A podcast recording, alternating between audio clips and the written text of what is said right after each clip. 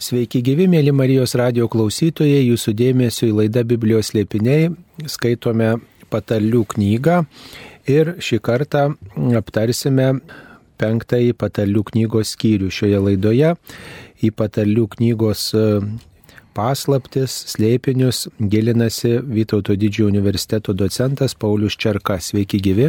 Sveiki. Taigi atsiverčiame penktąjį skyrių Įspėjimas apie svetimavimą, tai pavadintas šis skyrius, nors čia nėra tas pavadinimas įkvėptas e, šventosios dvasios, nėra priimamas kaip tam tikras e, Dievo žodis, bet tiesiog redaktoriai, e, tie, kurie leidėjai yra šito švento rašto knygų, yra daugelis skirelių pavadinę, kad būtų gal lengviau orientuotis ar panašiai. Ne visada gal tiksliai išreiškia, bet bando tokiu būdu apibendrinti švento rašto knygas, švento rašto knygų skirelius. Taigi, patarlių knyga priskiriama karaliui Saliamonui, nors iš tiesų tai jinai rašyta daugelio autorių, rašyta kelišimtus metų.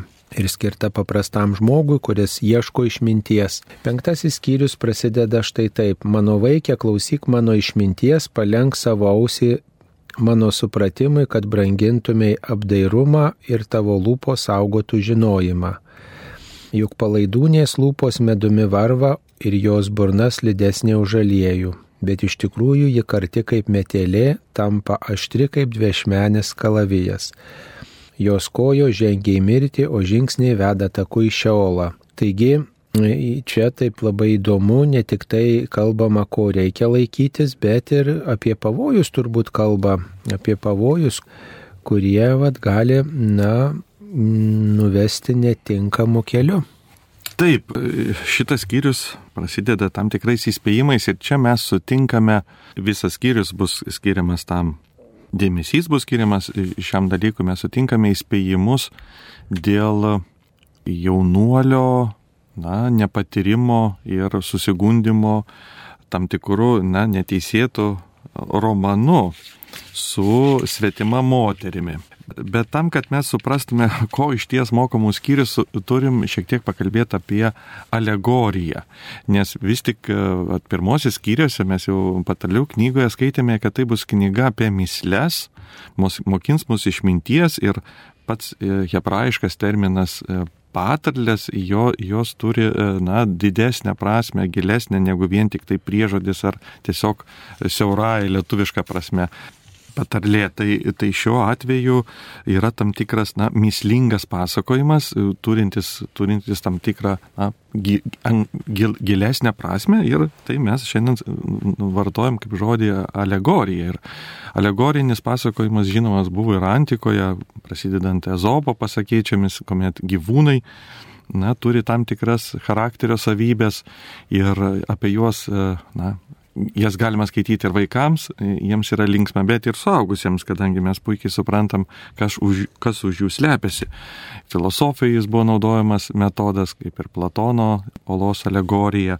Ir čia turbūt galima na, kalbėti ir kalbėti apie įvairius kūrinius, kur iš tikrųjų tiek teologinius, tiek filosofinius ir politinius, e, literatūrinius žanrus, kur buvo pritaikyta ši prieitis Na, turbūt gal geriau klausytojams žinoma yra knyga Vidinės pilies buveinės Jėzus Teresės ar ne mąstymai apie vidinį gyvenimą, nors perteikti kaip tarytum atskiras pilies buveinės arba Piligrimo kelionė Bunjano knyga apie dvasinę sielos kelionę tikėjimo keliu.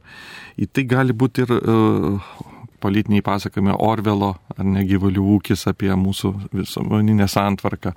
Ir, ir čia turbūt e, tiek meno srityje, tiek e, galima pateikti ar ne laisvės paminklą, pavyzdžiui, Smuglevičiaus Respublika e, yra iš tikrųjų perteikta arba laisvės idėjos kaip perteikta tam tikros moters vaizdinyje. Tai čia mes turime vėlgi, jau sutikome na, mūsų pasakojime išminti kaip moterį, taip, kurie kviečia pas save gyventojus, moko jos, bet vaizdinys yra moters, ją dar sutiksime ne vieną kartą. Ir čia sutinkame jos antipodą, ar tai, kas yra na, kitoje pusėje. Tai yra, reiškia, moteris ištekėjusi, kuri yra neištikima ir ieško medžioja vyrus. Tai kartais ją biblistai vadina kvailybė, tai yra toks vaizdinys jos. Va, rabinai e, paprastai už jos matė stabmeldystės simbolį, jeigu už išminties moters matė toros išminti, pačią torą, na mes krikščionys sakytume gyvoji tora, išmintis tapusi žmogumi, tai yra pats Jėzus Kristus Dievo išmintis, tai čia yra tai, kas Kristui, na, prieš pastatoma. Tai stabmeldystė arba tiesiog tas tamsos pasaulis, tiesiog pasaulis, ką šventasis Jonas savo laiškė sako, kūno geismas, akių geismas ir gyvenimo puikybė. Tai tie dalykai yra apjungti tarytum na, tos vat, ištekėjusios moters, neištikimos moters vaizdinyje. Ir su ją mes iš tikrųjų susitinkam nesvarbu mūsų amžius ar lytis, e, kiekvienas mes esame žmogus ir savo tikėjimo kelionėje mes sutinkame ją, ją viliojančią nutolti nuo Kristaus kelio, e, nuo to siauro kelio į platų kelią, kaip Kristus kalbėjo apie du kelius. Taip ir čia mes turim jaunuolį pokalbyje su tėvu, ar ne, tas dešimt pokalbių, vienam iš jų jis jau kalba apie įspėjimą, jog jo kelionė lauks tam tikra pasala, labai klastinga pasala ir gali jį, na, nukreipti, suvilioti e, ir nukreipti nuo jo teisumo kelio. Ir čia pastebėkit, kad ginklas moters yra būtent tos lūpos varvančios medumi, tai yra žodžiai, idėjos.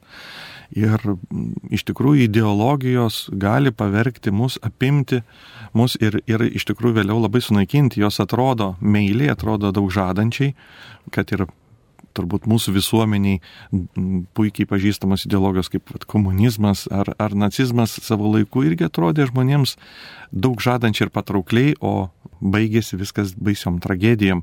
Tai tam tikra prasme tos ideologijos ir yra tos nu, moters vaizdinyje, kur, kuri vilioja na, kiekvieną sielą einančią teisumo kelyje. Tik tai čia aišku yra vaizdinys e, jaunuolio, kuris sutinka na, ištekėjusią moterį, ieškančio romano, bandančio jį išnaudoti va, apsvaiginti tam tikrą prasme, bet supraskim, kad e, tikroji prasme yra jau gilesnė. Jis kalba ne tik jaunuoliams, jis kalba nesvarbu ir amžius ar lytis, nes kalba mūsų sieloms santykyje su va, tuo pasauliu, pasaulio ideologijom, kurios bando užimti mūsų protus. Tai nors įspėjimas yra kaip ir apie svetimą kaip pasakyta, bet iš tikrųjų tai yra jau vaizdinys, už kurio slypi gilesnė prasme. Galbūt galima e, truputį ir kitaip tą patraktuoti, kad išmintis tai yra paties Dievo žodis arba pats viešpats, kuris kreipiasi į žmogų įvairiausiais būdais, e, per dekalogą, per, per pranašus, per, per, per reiškia tą nuolatinį tokį buvimą kartu su žmogumi, per tikėjimą, per, per darybės jisai kreipiasi į, per sąžinę, jisai kalbina žmogų ir kviečia vat, laikytis jo, jo principų ir tai atveria laisvę. O palaidūnė, kaip šitam e, skyriuje apibūdinama toji moteris gali būti tikriausiai ir nuodėmė, bet kuri nuodėmė, e, vat, kuri žmogų vilioja iš išmintingo kelio. Ir e, čia toks tradicinis gal nuodėmės veikimas, jinai atrodo saldi kaip medus, čia parašyta lūpos e, e, medumi varva, tai reiškia vilioja, gal per gražius žodžius, per, per, per, nu, per kažką, kas, kas mus traukia, kaip medus, ką nuvalgyti, smaližiauti ir vis, vis norisi grįžti ir atrodo patrauklu ir, ir, ir skanu. Taip ir nuodėmė turbūt jinai vilioja žmogų e, kažkokiu gražiu pavydalu, nors paskui, kaip ir vat, šitame skyriuje rašoma, ketvirtoje eilutėje, bet jį iš tikrųjų tikrųjų ji karti kaip metelė, tampa aštri kaip dviešmenis kalavijas. Tai panašiai ir nuodėmė, žiūrėkit, iš pradžių atrodo, oi visi čia taip daro, taip malonu, patrauklu, gražu, tik vieną kartą arba dėl malonumo, dėl skonio, dėl, dėl, dėl garbės žmogus renkasi, o paskui visą tai apkarsta. Tampa vienišas, tampa priklausomas, tampa kitų atstumtas, patiria nuostolį, e, žala sveikatą ir, ir visokios kitokios nuodėmės pasiekmes. Tai galbūt ir taip galima būtų traktuoti. Taip, suprantama, e, nuodėmė puikiai atitinka tą vaizdinį ir, ir na, tikrai ta, nu, kaip sakyti, nuodėmės tikslas iki ir yra nu, nu, nusukti mus nuo Dievo ir, ir kažkuria pasme, kai mes sakom stabmeldystė, tai turim suprasti, kad nu, turbūt nekalbam apie egzotiškas kažkokias religijas, kurios galbūt ne visai yra aktualios ir, ir visiškai mūsų nevilioja tolimų kraštų. Tas tabmeldystė yra tai, kas yra visai šalia mūsų ir tikrai, na, kaip sakykime, atlieka tą viliojimą. Naujam testamente paštalas Paulius sako, godumas tai yra stabmeldystė. Jis įvardina tokius dalykus, kaip pasitikėjimas turtu, reiškia, jau tai yra statymas turto į Dievo vietą. Tai ta, kai sakome, na, nuodėmė arba tiesiog va, tai, kas veda į maištą prieš Dievą ar nusisukimą nuo Dievo į vienokią ar kitokią stamildystę, taip, ta moteris ir atspindi. Ir čia va, tas augalas metelė, jisai vėlgi gal na, mūsų kultūra neturi pilnai tų savybių, bet biblis... Turi kartus įskėtis. Jo, jis kartus, bet va, biblisti, tai, na, sakykime, tose kraštuose jis turi ypatingai patrauklų kvapą. Reiškia, vėlgi tą gražų panašus į medų, reiškia kvapu vilioja, bet jau skoniu apkarsta. Tai, tai šiuo atveju turi vėlgi tą, tą patį efektą, kad žada labai kažką malonaus, o rezultatė gaunasi kažkas labai nu, kartaus ir neskanu. Tai, tai iš tikrųjų kiekvieno gundimo esmė yra kažko suvilioti, kažką pasiūlyti, bet rezultatė to neduoti. Ir na, labai tas vaizdingas dalykas yra aštri, kaip dviešmenis kalavijas, nuodėmė arba ta palaidūnė, aštri kaip dviešmenis kalavijas, panašiai kaip peilis iš kelių pusių išgalastas, jisai pavojingas var turėti, nešiotis, jį pavojinga turėti, tai ir, ir, ir nuodėmė, jeigu jos neatsižadė, jinai, reiškia, labai sužeidžia, labai duria ir duria ne tik tą, kuris prie jos prisiliečia, bet ir kitus žmonės.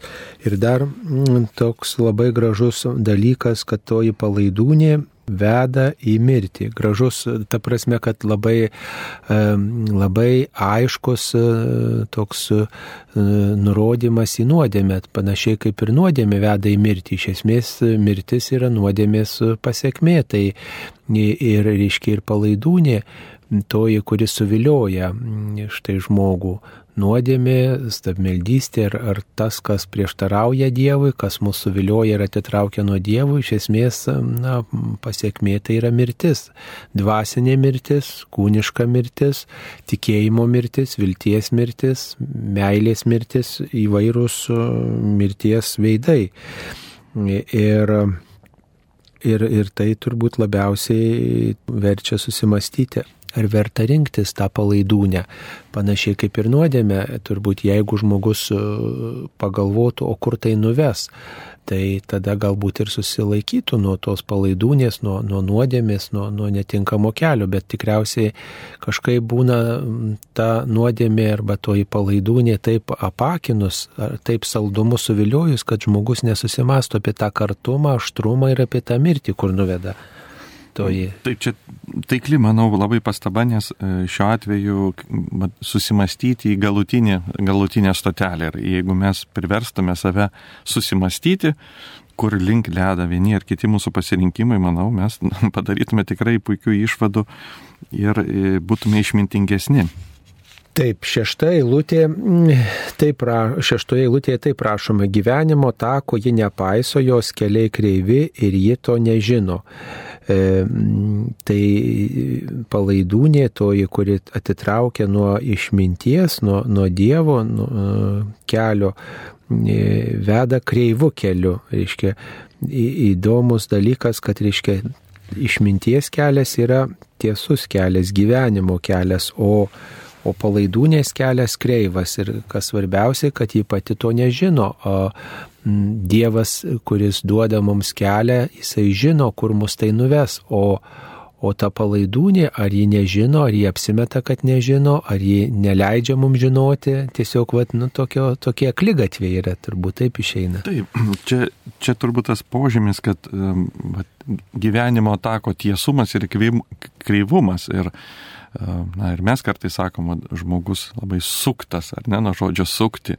Vėl jis turi tam tikrus daro posūkius, gudrauja ir priešingai yra tiesus žmogus, nevinioja žodžių į vatą, na, įvardina dalykus tokie, kokie yra. Ir paprastai išmintis veikia žmogų, kad jis linkęs įvardinti, pripažinti, neišsisukinėti, negudrauti o va tas gudra gulviavimas, kaip sakyti, jisai na, priešingai yra požymis to, kad šitos vat palaidūnės, kaip čia įvardinta, nors iš tikrųjų vat, hebrajiškam tekste yra zur žodis ir daug kelia diskusijų, kaip jį versti. Na, tai yra pažodžiui būtų svetima moteris, bet e, ta svetima, tai diskutuojama, turime omeny svetimtautė, ar kuria prasme svetima ir daugiau teologų sutarė, kad ji yra svetimo vyro moteris. Tai šiuo atveju jinai tiesiog yra ištekėjusi, na, yra turi, e, turi šeimą, bet ją palieka ir ieško romanų. Tai ta prasme yra svetima.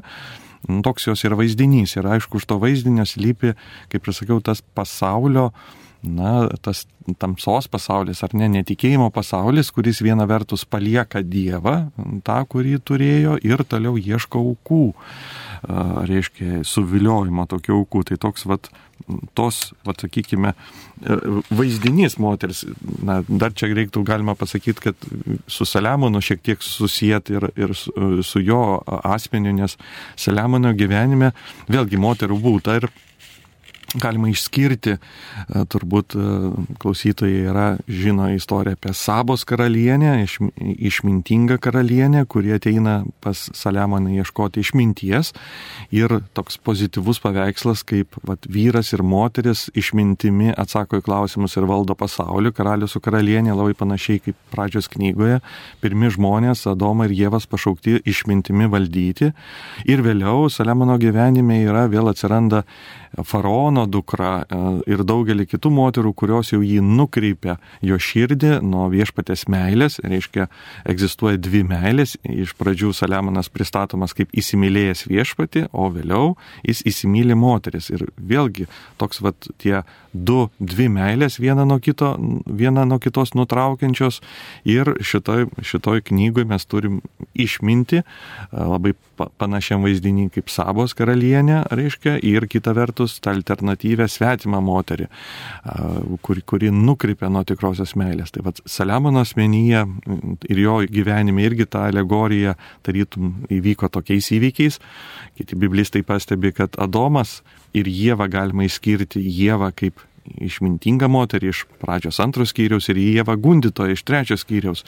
Ir Jėva atlieka ir vieną, ir kitą na, vaidmenį, ir, ir pozityvų, ir negatyvų, kaip ir čia tos dvi moteris. Tai va tie vaizdiniai, jie susišaukia su kitais bibliniais vaizdiniais iš pradžios knygos, iš Saliamono gyvenimo ir atveda mus į šitą nu, patarlių jau išminties literatūrą ir prieš pastato kiekvieną iš mūsų, prieš vat, gyvenimo kelionėje, tos dviejų moterų, mes visi sutiksim jas, reiškia ir vieną ir kitą ir priklausys, na, kaip, kaip mes pasiduosim.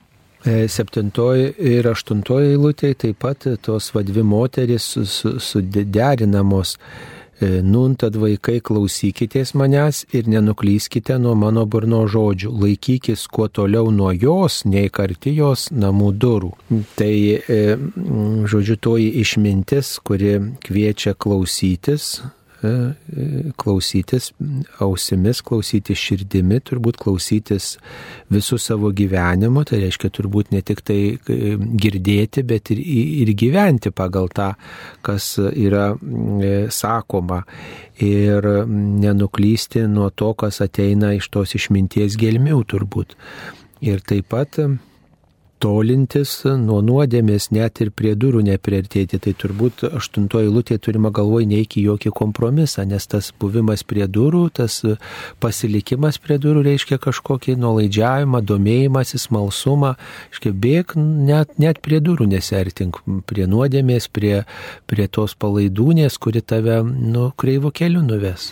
Taip, tai yra vengtų situacijų, kur tu galėtum susitikti su ta moterimi, nes jeigu tu būsi arti durų, panašu, kad na, kažkur sutiksi ir tą moterį. Ir klausimas, ar tu įveiksi jos žabangus. Tai vad patarimas yra jausti savo silpnumą, Taip, pripažinti, kad tu esi pakankamai silpnas ir vienintelis būdas yra jau vengti pačios vietos, kur sutinkam pagundimą. Ir, ir čia labai svarbus na, modelis, jog, vat ir tėvė mūsų maldoje mes juk melžiamės na, sakom, lietuviškai dabar liturgiškai yra maldoje, mes sakom, kad e, neleisk mūsų gundyti, bet, na, pažodžiui bus, ne, ne, nevesk mūsų į, į pagundimą. Kitaip tariant, to gali prašyti tik, tik tas, kuris jaučiasi savo silpnumą. Stipriam atrodo, kad viešpatie išbandyk mane, ne, aš, aš esu pasiruošęs įrodyti savo stiprumą, bet tikras Kristaus mokinys, suvokdamas savo silpnumą, jau prašo, nevesk manęs į situacijas, kur vat, aš būčiau prie tų durų, nes aš laikau save silpną. Tai va čia išminties yra požymis suvokti savo silpnumą ir tada priimti sprendimus. Kaip silpnas, aš jau vengčiau ir net ir tų durų, bet jeigu laikau save labai stipriu, nu tai ko man bijoti tų durų, čia nieko blogo dar nėra. Bet čia va tikroji išmintis sako, kad e, laikyk save silpnu ir taip, ir taip įveiksi. Tiesiog nesertink prie progos. Nesertink prie progos, suvokdamas, kad esi silpnas. Taip, nes duris tai jau yra proga įeiti, yra pradžia tam tikra. Ir čia tolesnėse eilutėse nuo penktos skyriaus devintos eilutės iki dvyliktos eilutės rašoma, kodėl reikėtų nesiartinti prie palaidūnės, prie nuodėmės, prie stabmeldystės, prie neišminties, kvailystės durų. Kodėl reikėtų nebendradarbiauti su nuodėmė ir bet kokiu blogiu, nes tai yra kvailybė, priešingybė išminčiai. Kad netiduotumėjai savo garbės kitiems ir savo metų negailestingajam kad svetimieji nesurytų tavo turto ir triūsas tavo nenueitų į svetimus namus, kad gyvenimo gale neapverktum likimo, kai būsi sunaikinę savo jėgas bei kūną ir nesakytum, o kai priešinausi pamokomas, kaip nekenti mano širdis įspėjimų. Tai čia ir turtas, ir garbė, ir triūsas, ir gyvenimo pabaiga, žodžiu, daugelis tokių detalių kaip čia reikėtų suprasti, kodėl galiu atiduoti garbę, jeigu artinuosi prie palaidūnės durų. Na, turbūt gyvenimės mes kiekvienas galėtume pa, gal kokią vieną ar kitą istoriją prisiminti žmonių, kurie, na, sakykime, romanų turėjo daugiau, nei, nei gali kažkaip tai nesukontroliavo savo gyvenimą ir iš tų romanų iš tikrųjų susiformuoja na, padariniai, padariniai, jog griūna vienos šeimos, susiformuoja kitos, jos vėl griūna arba iš vis nesusiformuoja šeima. Ir mes tik galim na, panagrinėti žmogaus gyvenimą, kad rezultate sukauptas turtas išsitaško per jau susiformavusias tarytum na, naujas tas šeimas ir kažkuria prasme vienoje šeimoje būna kaupia kaupia ir staiga, na, staigus posūkis atsiranda na, moteris, arba vyras, čia nesvarbu ta lytis, bet toks netikėtas na, ilgalaikės šeimos griuvimas, trumpalaikis romanas, taip ir jis, jis tarytum viską sugriauna, tokį stabilumą.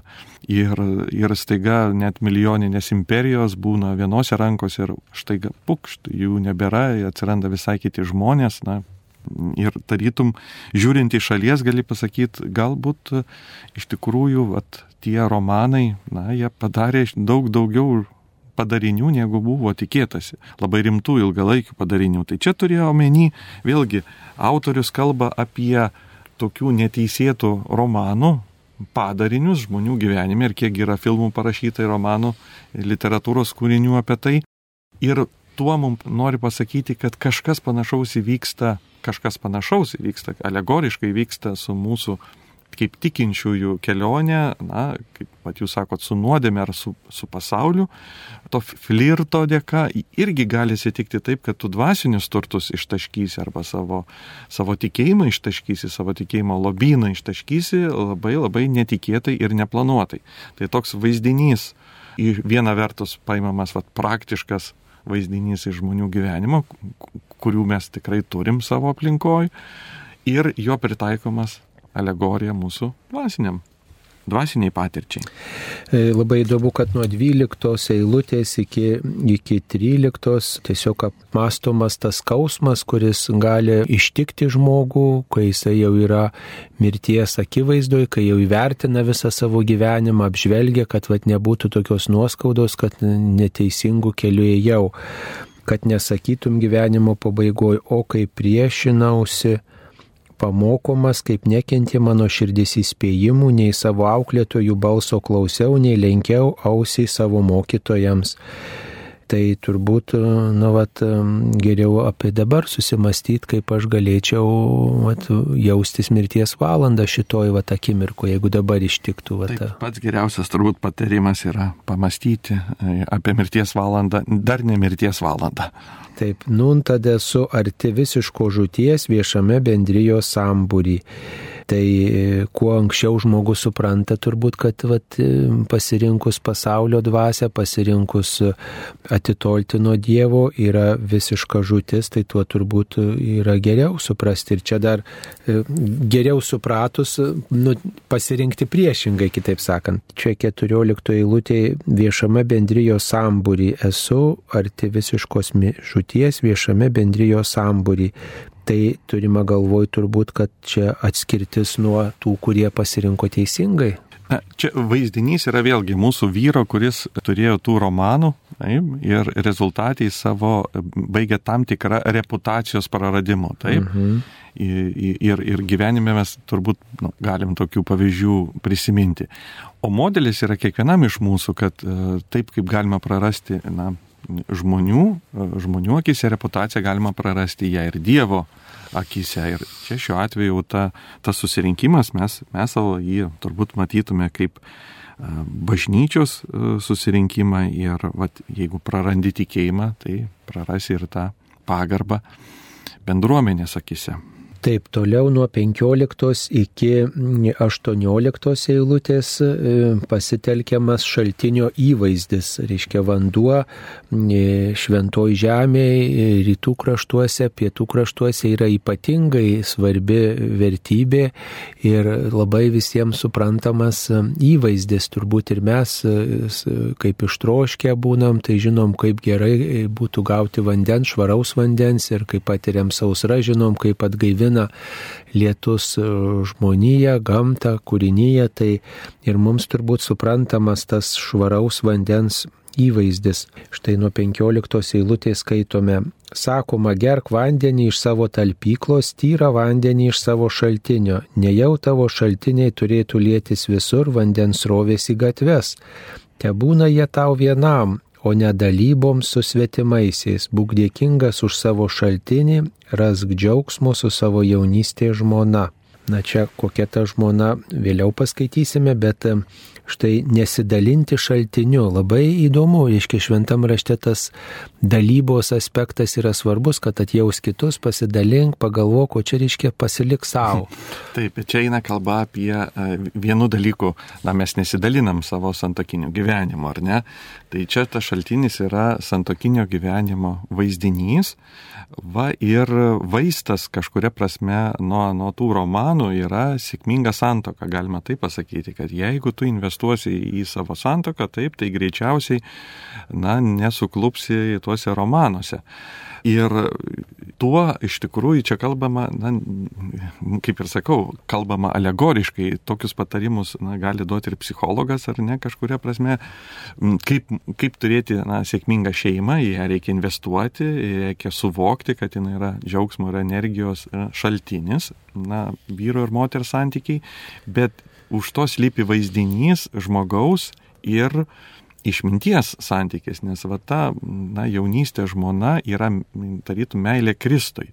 Taip, ir už jos, va, tai yra tik vaizdinys, kad jeigu mes įgrįžtame savo pirmosios meilės, kaip apriškimo knygoje pasakyta, prie tos, na, tikrai imtimios, karštos, tarytum santokinės meilės, meilės Dievo žodžiui, meilės Dievo mokslui, tada mums labai sunku suviliot kažkuo kitu. Ir, ir iš tikrųjų kartais vat, moralizavimas, nedaryk to, neik ten, jis, su, jis silpnai veikia. Daug geriau pasakyti, o ką aš turiu daryti, vat ką man reikia daryti, nes dažniausiai ir tėvai vaikam tik draudžia, reiškia, nežais kompiuteriu, ten ne, ne tą daryk, bet nepasako, ką jis turi daryti, kaip jis tą laiką turi investuoti. O čia autorius ir nurodo, kad tu vat, štai ten turi save investuoti ir už to slypi vat, žydiškai supratime meilę torai, tarytum jaunai žmonai, bet jeigu tu ją įsimylė, tai tavo mintis tiek bus užimtos tuo pasitenkinimu, tai šaltiniais, jog nebus laiko net kada žiūrėti kitas. Tai tos vat, pasaulio ideologijos žmogaus, kuris paniręs yra į šventą raštą, į meilę Kristui, jį labai sunku yra atitraukti, nes jis yra paniręs į vat, tą savo santokinę, tikrą, teisėtą meilę, į ką Dievas yra ir pašaukęs. Reiškia, tai yra santokos vaizdas šito šuliniu nusakytas, santokos patalas, galima pasakyti, bet už jo slypi sielos meilė Kristui. Vat, daug kartų šventame rašte vaizduojant, kaip vyro ir moters na, meilė yra Dievo ir žmogaus meilė, net ir santoko sakramento juk esmė irgi yra šitoje meilėje išgyventi Kristų, per jį unikaliu būdu na, prisiliesti per santokinį gyvenimą.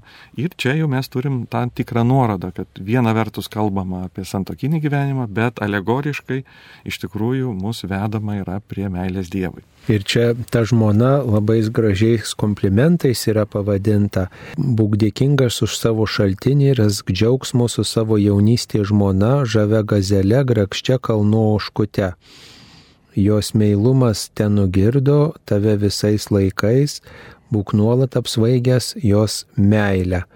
Tai tikrai čia labai kviečiama grįžti prie tos žmonos grožio ir gerėtis tuo įsipareigojimu ir tuo asmeniu, su kuriuo tas įsipareigojimas yra priimtas.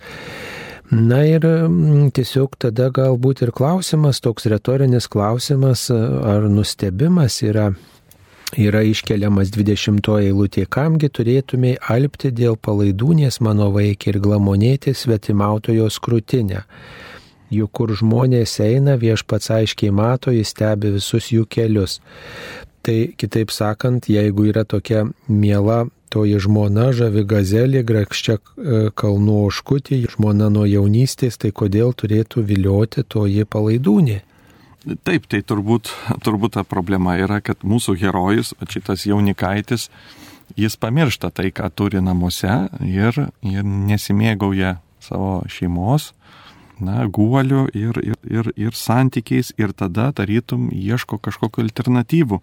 Ir čia iš tikrųjų labai gražus yra pastebėjimas, kad 19 lūtė žodis apsvaigęs ir 20 alpti yra tas pats, bet vienoje vietoje jie apsvaigina na, jo santyki su jo jaunystė žmona, o kitoje vietoje su ta, sakykime, svetima moterimi. Ir viena ir kita veikia panašiai, jį svaigina, ta meilė yra panašiai, bet viena veda na, gyvybės link, o kita yra greunanti jėga. Ir šiuo atveju, kaip, kaip ir pasakyta, čia nereikėtų galvoti, kad kalbama yra tik tai žmonėms, kurie na, turi, turi jaunas žmonas. Čia yra tik vaizdinys kalbos, jog nesvarbu, ar tu vyras ar moteris, jaunas ar senas, mes visi turime viešpatės meilę, meilę jo žodžiui, kurį ir meilę jo išminčiai mes galim tą puoselėt, kuri yra, va, tarytum, meilė tai jaunai žmonai ir ta meilė iš tikrųjų apsaugo nuo susiviliojimo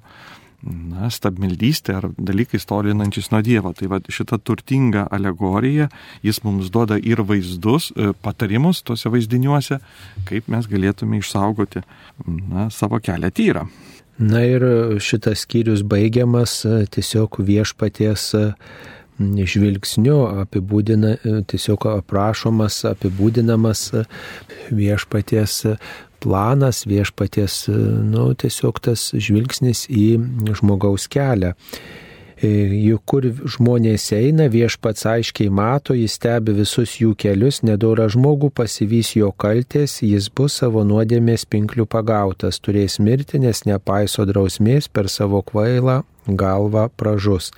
Tai kitaip sakant, čia nurodyta, kur nuveda tas susižavėjimas palaidūnė, susižavėjimas nuodėmė, susižavėjimas pasaulio dvasia ir nepaisimas Dievo išminties.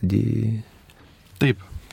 Dar reikėtų gal pasakyti, kad tos nuodėmės 22 eilutė, kaip aprašyta, nedora žmogų pasivys jo kalties, jis bus savo nuodėmės pinklių pagautas. Tai turbūt yra toks dalykas, kad išmintis žmogui teikia laisvę ir, ir tokias galimybės įvairias, tokią atgaivą ramybę, o palaidūnės žodžiai, palaidūnės tas viliojimas, jisai yra kaip pinklės, kad vat, štai nuodėmė jinai kažkaip apriboja laisvę žmogaus ir kaip tik supančioje galimybės užkerta. Tai e, kai renkamės palaidūnę, kai renkamės e, neišminti, tai dažnai atrodo, kad kaip tik renkamės laisvę ir kaip tik tai nėra čia spastų. O dažnai žmonės svarsto, kad va, Dievas tai yra pinklės, Dievas tai yra spastai, Dievas apriboja mus, o, o štai jeigu darau, ką noriu, linksminuosi, susivilioju nuodėmės durimis, palaidūnės durimis, tai, tai tada čia yra laisvė, čia nėra jokių spastų. Vat turbūt tokia yra iliuzija. Taip, iš tikrųjų toks e, dažnai yra paradoksas, kad e, mums atrodo, kad Dievo įspėjimai yra mūsų varžantis, nes jie mums neduoda padaryti, ko mes norim, bet, bet turbūt jeigu mes pagalvotume, pavyzdžiui, apie na, piknaudžiavimą narkotikais, taip e, labai aiškiai mes suprantam, kad žmogus pasirinkęs juos labai greit nustoja būti laisvas ir tampa įkaitas savo paties troškimų jog viena vertus e, tokia dilema jis jau nori nebenorėti, bet e, nebegali. Ir tada, na, tada iškyla klausimas, ar jis vis dar laisvas, jeigu jis renkasi ir toliau narkotikus, e, na, turbūt ne. Mes ir sakom, jis yra priklausomas, jis turi priklausomybę Ir mes kaip visuomenė turim jau padėti žmogui, sakykime, grįžti į tą blaivumą ir tuo pačiu į laisvumą. Taip, čia kraštutinis pavyzdys ir, ir labai, na, galbūt ryškus, su kitais dalykais galbūt taip nėra ryšku, bet kiekviena įda iš tikrųjų veikia labai panašiai. Į vieną vertus mes ją pasirenkame, nes norime, tas tiesa, bet vėliau mūsų norai pradeda veikti prieš mus. Ir e, nors mes na, priklauso kaip apibrieši tą laisvę. Jeigu laisvė yra tik vadovautis noru, taip, mes vis dar laisvi, bet jeigu laisvė turėti sveikus norus, norus atitinkančius mano tikrą prigimtį, tai, tai tokiu atveju mano jau norai, tokiu atveju aš jau nebesu laisvas, nes tie norai veikia prieš mane, jie mane įkalina, aš jų nebegaliu pakeisti. Aš jau nebegaliu turėti kitų norų. Ir čia labai gražus e, vaizdinys apie tuos pančius, kuomet pasakyta, kad jis pats susipainioja. Reiškia, viena vertus, na, toks, reiškia, pats įkliūni savo paties, na, čia kaip ir vat, e, virves, na, arba pančius, bet susipainioji ir eiti nebegali. Ir aišku, išeitis iš to yra drausmė. Štai 23 eilutė rašoma, turės mirti, nes nepaiso drausmės. Kitaip sakant, jeigu paisysiu drausmės, tai toji dvasinė mirtis, tas pavojus bus išvengtas, o paisyti drausmės tai reiškia paisyti Dievo išminties, tai reiškia laikytis Dievo įsakymų. Ir tam tikro drausmingumo, kaip katekizme, man atrodo, yra ta frazė, bet tam tikro drausmingumo mes šventumo nepasieksim. Taip, čia reikia atsisakyti iliuzijų, jog, na, tiesiog viskas vyks savaime. Tam tikro drausmingumo dvasiniai kelioniai jo reikia, jis būtinas ir jis nepamainomas. Tai yra, nėra lengvesnio kelio ir čia turbūt jūs vat, ir dvasininkas patvirtintumėt, kad e, be drausmės neišeina pasiekti tam tikrų rezultatų nei maldos gyvenime, nei iš principo dvasingam gyvenime. Nors norėtųsi lengvesnio kelio, tokio šotkarto, kaip mes pasakytume, kaip čia iškart į rezultatą trumpesnio, kad nu, nukirtai kažkur tai ir atbėgai, bet turbūt tenka pasakyti, kad tenka įti šituo klasikiniu keliu, drausmingumo keliu. Mėly Marijos radio klausytojai, šioje laidoje kalbėjomės apie patalių knygos penktąjį skyrių, kuriame Išmintis sugretinama su palaidūne, šalia palaidūnės yra išmintis ir žmogus yra raginamas rinktis ne palaidūnę, kuri vilioja, ne nuodėmė, ne pasaulio dvasę, bet Dievo išminti, kurią suprantame per Dievo įsakymus, per jo patarimus, per tai, kas yra išdėstyta visame šventajame rašte kaip Dievo žodžiai mums. Šioje laidoje jums kalbėjo Vytauto didžiojo universiteto docentas Paulius Čerka, jį kalbino aš kunigas Saulis Bužauskas. Visiems linkime išminties. Ačiū sudė. Sudė.